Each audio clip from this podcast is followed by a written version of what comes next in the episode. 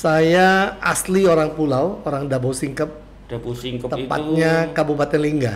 Karena dia kecamatan, tapi dia punya bandara, punya pesawat yang bisa menuju ke Jakarta. hmm, Karena oke. PT Timah, tapi se- Mm-mm. semenjak PT Timah berakhir, Mm-mm. ya kecamatan kami menjadi daerah tertinggal. Pernah jadi Iya, MC Pak Asmin ya? MC juga Iya, ini. iya. Jago MC. Tribun ulang tahun Pak Asmin itu Iya, pernah jadi pernah, MC ya. pernah, ya. Halo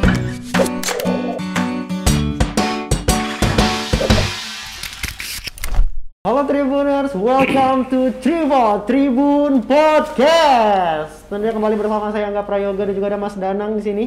Pak Ah. Asmin Patros sudah hadir di sini. Selamat sore gimana Selamat Sore Pak Asmin.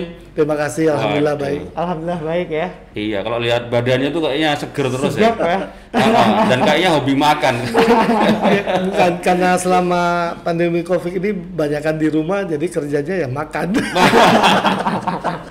Kalau kalau dengar istilah apa istilah namanya Pak Asmin, Asmin Patros ini nggak nggak asing dengan asing ya. tempat makan namanya The Patros. The Patros ya. The Patros gimana Pak kabarnya? ya, ya sama mengalami nasib yang sama dengan Hmm. teman-teman. Ketika pandemi Covid ini, kami ikut menderita lah, ya Ikut karena menderita. karena kan orang yang biasanya ngumpul menjadi sa- satu sama lain saling ketakutan. Iya. Mm, mm, mm, Nggak ada lagi Hmm. orang berani datang ke The Patros. mm, mm, Karena apa? Karena berkumpul satu memang tidak dibenarkan. mm, mm. Kedua, berkumpul penuh dengan risiko. Akhirnya Hmm. tidak berkumpul ya kita nggak dapat omset. Tapi ini udah buka ya Pak ya? Hari ini buka ya? Hari ini udah buka, kami Hmm. sudah sesuai dengan eh, apa na- edaran dari pemerintah. Mm-mm. Kita coba menyesuaikan dengan beberapa konsep new normal ini. Hmm. Eh, sekalipun kami tahu bahwa bisnis ini pemulihannya akan makan waktu yang cukup lama. Mm, mm. Iya. Ya karena dengan kebiasaan yang baru ini tentu ini sesuatu yang tidak tidak biasa buat Iya, semua cukup orang. asing ya. Orang tidak terlalu nyaman sehingga ini butuh waktu. Saya kira butuh waktu. Butuh waktu ya. Soal pulihnya cepat atau lambat kembali lagi ke kita ya Pak Asmin Betul. ya. Jadi Iya kan? memang masing-masing usaha harus mengadu kreativitas di situ. Jadi melakukan inovasi-inovasi. Termasuk yang dilakukan oleh teman-teman di Tribun ini ini kan sebuah Wah. inovasi yang luar biasa. ya, ya. semoga bisa jadi solusi eh, termasuk apa jadi media baru Media baru ya. agar kita tetap bisa Iya, berkomunikasi. iya, iya. Nah, Ya. Saya kira kehadiran tripod ini menjadi salah satu jawaban Mm-mm. bahwa di tengah-tengah orang kesulitan berkomunikasi, ya kan. Media mainstream saya kira tetap masih juga menjadi pilihan, tapi bukan lagi pilihan utama sekarang. Hmm, siap. Jadi Kita saya udah kira- kita sudah menyiapkan ke situ Pak Asmin. Pak Asmin ini asli mana Pak? Saya asli orang pulau, orang Dabo Singkep, Dapu Singkep tepatnya itu Kabupaten Lingga. Ya. maksudnya Lingga ya? Kabupaten Lingga, sebuah daerah kecamatan kecil dulu, tetapi kecamatan yang cukup maju, alhamdulillah karena PT Timah. Karena dia kecamatan, tapi dia punya bandara, punya pesawat yang bisa menuju ke Jakarta. Hmm, Karena oke. PT Timah, tapi se- semenjak PT Timah berakhir, ya kecamatan kami menjadi daerah tertinggal. hmm, Nah, syukur kemudian pemerintah membentuk Kabupaten Lingga, sehingga ada percepatan pembangunan.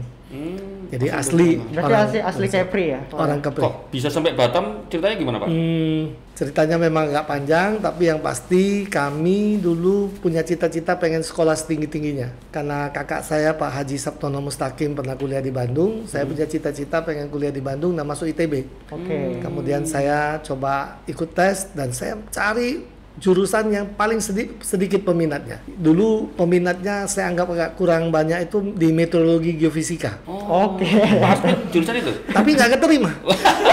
Kirain keterima ya. Nggak keterima. ada di situ. Nggak keterima. Ah, gitu. Akhirnya saya keterima di Universitas Katolik Parahyangan, Oh, Unpar. alumni S1-nya di Parahyangan.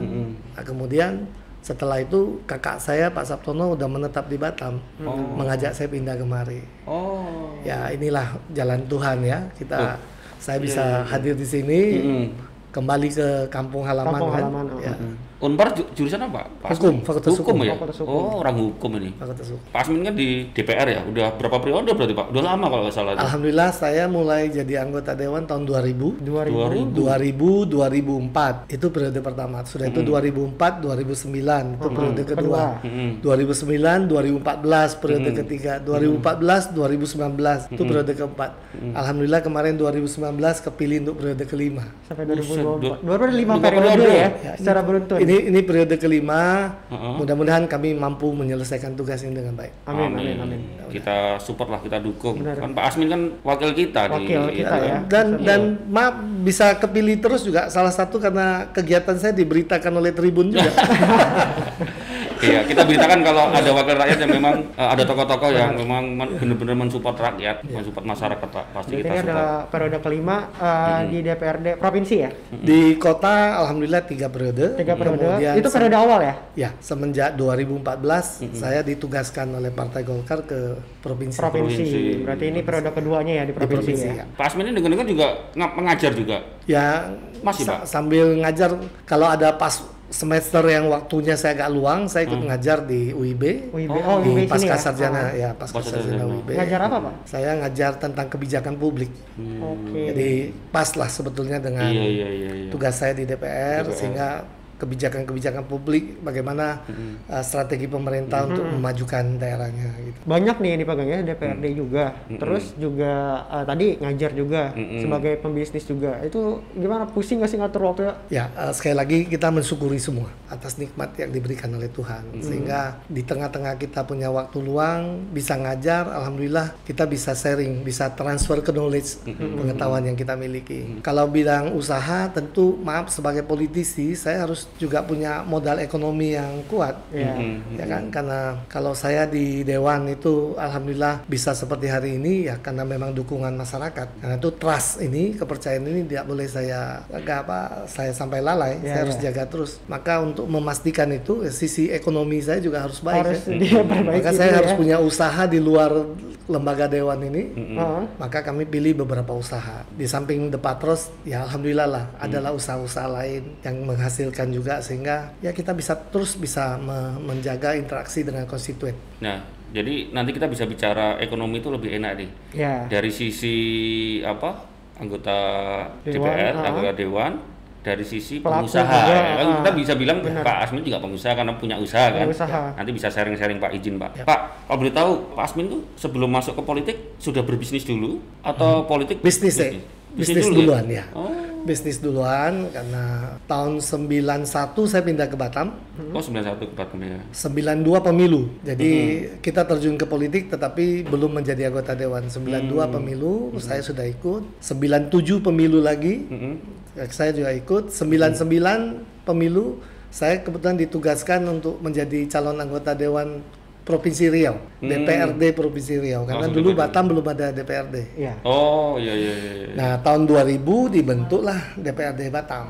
Nah kemudian kami berdasarkan perolehan suara yang ada di provinsi Riau ditransfer diperhitungkan kemudian Golkar mendapat 6 kursi di DPRD Kota Batam dari total 30 kursi Hmm. Nah, alhamdulillah dari enam itu salah satu saya jadi anggota dewan pada saat itu. Wush, iya, iya. Jadi kalau ditanya politik dulu atau bisnis dulu, di bisnis dulu sebetulnya. Oh, oke. Di bisnis baru kita kemudian ikut-ikutan belajar Ya. berpolitik. Politik. Tapi baru sepenuhnya terjun ke politik itu tahun 99. Kalau bisnis pertama waktu itu dijalanin bisnis apa tuh, Pak? Eh, gini, Batam tahun 90-an itu, itu kalau orang jual properti itu nggak perlu pakai marketing. Cukup punya oret-oretan di atas kertas, itu sudah bisa menjual properti zaman itu. Mm-mm. Nggak ada ngerti pakai marketing. Jadi kalau kita ke perusahaan tanya, ini marketingnya siapa? Ya, marketingnya ya tokenya. Nah waktu itu kami kemudian mendirikan sebuah perusahaan eh, konsultan di bidang investasi, pemasaran dan HRD.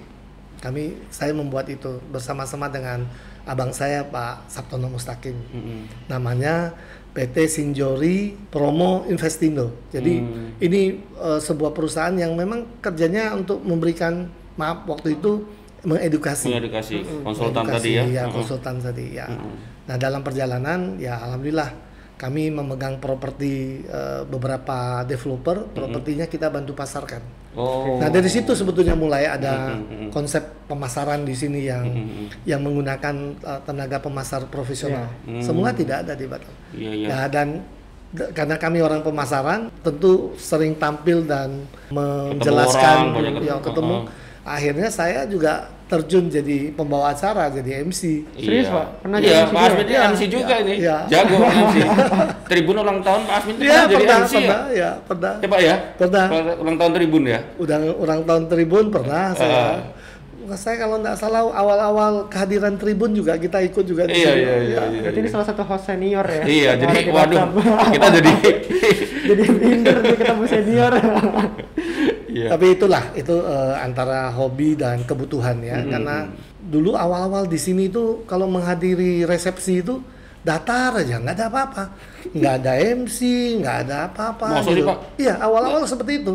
Tapi alhamdulillah dalam perjalanan ke sini kemudian mulai ada susunan acaranya. Mm-hmm. Oh ada nanti mewakili tuan rumah ada yang memberikan sepatah dua patah kata, Mm-hmm. ada yang memberikan nasihat pernikahan dan sebagainya. Awal-awal nggak datar-datar aja acaranya, Mm-hmm. apalagi konsep-konsep pernikahan resepsi orang Tionghoa itu lebih sederhana lagi. Mm-hmm. Oh. Tapi semenjak kehadiran kami dan beberapa teman, Mm-hmm. nah sekarang udah mulai wedding organizer Udah- berbagai udah mulai muncul banyak, banyak, banyak ya. IO IO Iya, yang iya. yang hadir ya. Saya kira ini ini memang tuntutan zaman seperti Ah. yang tadi kita di awal bilang bahwa ini tuntutan zaman semua mau melakukan inovasi-inovasi. Mm-mm, betul. Pak kok bisa tertarik politik tuh ceritanya gimana Pak?